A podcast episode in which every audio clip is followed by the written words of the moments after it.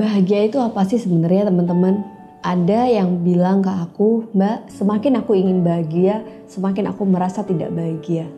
Ada juga yang cerita, kenapa setiap lihat orang bahagia seolah aku jauh dari kondisi itu. Emang klise ya teman-teman, bahwa kadang bahagia itu adalah segala-galanya. Dan katanya itu bukan melulu tentang materi atau uang saja, tapi tentang hal yang lain. Terus apa sih sebenarnya bahagia itu? Assalamualaikum teman-teman, Analisa Channel. Kali ini aku pengen ngebahas tentang what happiness is. Bahagia itu apa sih sebenarnya? What is the real happiness in life? Apa sih sebenarnya kebahagiaan yang benar-benar kita cari dalam hidup? Kalau kita bicara tentang bahagia, artinya di dalam kamus berbahasa Indonesia yang baik dan benar, itu adalah sebuah perasaan yang betul-betul tidak menyusahkan pada satu situasi tertentu. Jadi artinya pada saat itu kita tuh nggak ngerasa susah gitu. Tapi pertanyaan berikutnya, emang bisa ya hidup kita tanpa situasi dan perasaan yang menyusahkan atau menyulitkan? Kayaknya nggak mungkin kan? Hidup itu akan selalu ada bagian yang membuat kita merasa susah dan sulit. Justru poinnya adalah aku ngerasa toleransi terhadap masalah kita jadi lebih luas lagi nih. Kalau kita pernah ngerasain yang namanya tidak bahagia sehingga contoh simpel, dulu waktu aku nginep di hotel pertama kali tuh rasanya hotel bintang 3. Wah, kita pasti senang banget dong nginep di hotel bintang 3 itu kamarnya bagus, AC, terus kemudian kasurnya empuk. Naik dong kelasnya level bintang 4. Habis itu disuruh nginep di bintang 3 udah gak mau lagi. Kamarnya sempit, kamar mandinya kecil. Nanti di bintang 4 rasanya nyobainnya bintang 5. Aduh rasanya bintang 4 tuh jadi kayak gak ada apa-apanya ya the more we have, the more we want. Kalau kita bicara tentang bahagia yang cuma sekedar materi aja atau situasi tertentu. Jadi sebenarnya inilah yang bikin aku juga salah satu alasan belajar ilmu psikologi. Salah satu pendekatan psikologi yang membuatku menarik adalah positif psychology atau psikologi positif yang dibawa oleh Bapak Martin Seligman dan dia juga mengungkapkan tentang teori bahagia itu apa. Kalau Bapak Martin Seligman ini menyebutkan bahagia ini ada tiga pilar teman-teman. Yang pertama adalah ketika seseorang punya satu yang namanya self belonging. Jadi dia itu betul-betul memiliki dirinya. Dia punya value yang membuat orang lain menghargai dia apa adanya, yang membuat dia juga sebaliknya menghargai orang lain apa adanya. Jadi di sini nggak ada lagi tuh merasa tidak kaya lalu tidak bahagia, merasa tidak cantik dan tidak bahagia jadi kebahagiaannya itu atas diri dia apa adanya. That's real happiness. Kalau hidup kamu sudah merasa belonging terhadap apa yang betul-betul menjadi values dan uh, nilai kamu gitu ya teman-teman. Jadi inilah salah satu pilar kita menuju bahagia yang sesungguhnya. Meaning of life. Hidup yang lebih bermakna. Makna dalam hidup yang betul-betul membahagiakan. Pilar yang kedua adalah bagaimana seseorang itu yang kita uh, pursue itu atau yang kita capai itu bukan happinessnya, tapi purpose of life. Tujuan hidup itu penting banget loh. Kita nggak akan pernah ngerasa bahagia kalau kita nggak achieve something. Jadi tolerance of stress itu anggap aja nih kita ada di level ini. Kalau hidup kita begini aja, nggak pernah ada yang begini, nggak pernah ada yang begini, ya kita nggak tahu happiness kita itu apa untuk mencapai tujuan kalau kita begini aja kita seolah ngerasa ya oke okay, aku lulus aku ini pasti selalu ada yang kurang ya gak sih? Nah jadi purpose of life ini carilah dengan satu purpose yang lebih besar daripada sekedar satu hal yang kecil. Bisa jadi kalau kita jauh dari rasa bahagia kita kurang mengcapture bigger picture tentang happiness itu. Contoh misalnya gini teman-teman.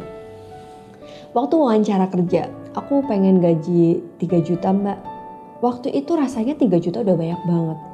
Terus tiba-tiba pada suatu ketika kamu ngerasa 3 juta itu gak ada artinya. Naik gaji lagi, mbak aku pengen gaji 7 juta. Bu, pak saya pengen gaji 10 juta. Apa motivasi kamu kerja di sini? Saya pengen gaji 20 juta. Dan pada satu ketika gaji sudah 20 juta, rasanya itu masih kurang aja sampai minta bantuan pemerintah juga, ya kan?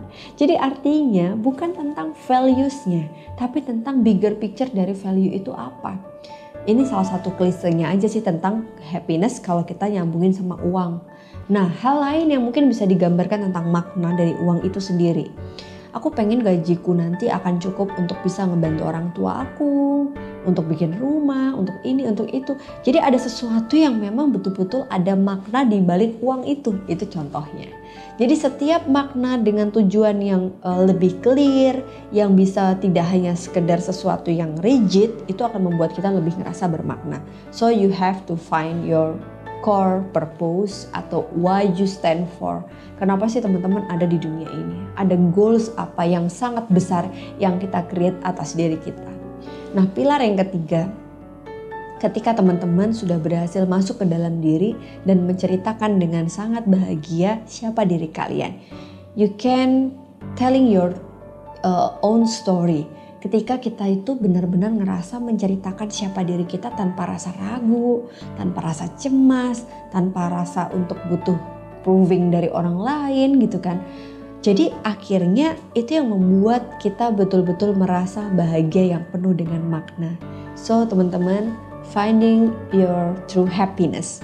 Not only happiness bukan hanya tentang bahagia, tapi tentang bagaimana bahagia yang lebih bermakna. Jadi coba sekali lagi pilar pertama, apa sih yang membuat kamu punya nilai dalam hidup yang membuat orang lain bisa menghargai kamu? You have to find your core value.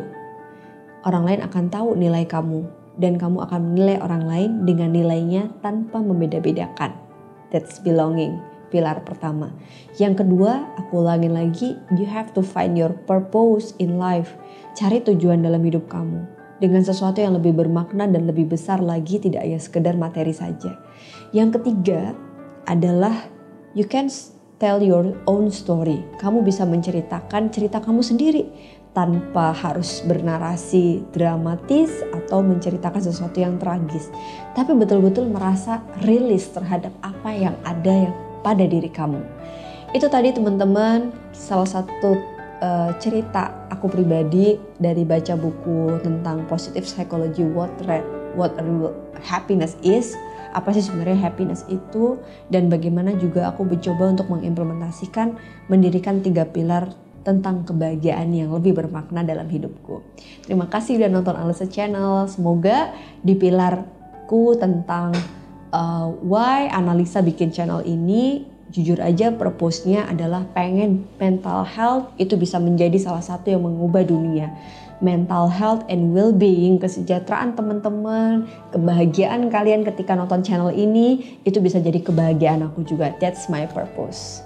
Yang lainnya itu bonus yang memang kita cari juga dalam hidup. Thank you teman-teman udah selalu ada dalam purpose aku dan jangan lupa untuk kamu sebarin video ini sebanyak-banyaknya karena itu apresiasi yang nggak bisa aku ungkapin. Happy banget ketika subscribers dan juga uh, channel ini ternyata punya pasar yang bisa dapat manfaatnya. Karena dulu awal-awal tuh kayak banyak banget yang bilang channel ini nggak akan bisa besar karena semua artis sekarang bikin channel, semua public figure juga bikin channel baru satu video aja udah langsung boom gitu kan. Tapi aku ngerasa banget proses dari ngerintis pertama kali video ini, gimana tim aku juga tahu perjuangannya di sela-sela kesibukan kita syuting dan kadang jam 12 malam baru ada waktu luang kita syuting juga pernah gitu kan. Jadi ngerasa terharu banget kalau sekarang uh, meaning of life itu juga ada di dalam channel ini. Terima kasih dan nonton Ansa Channel. Assalamualaikum. Sarang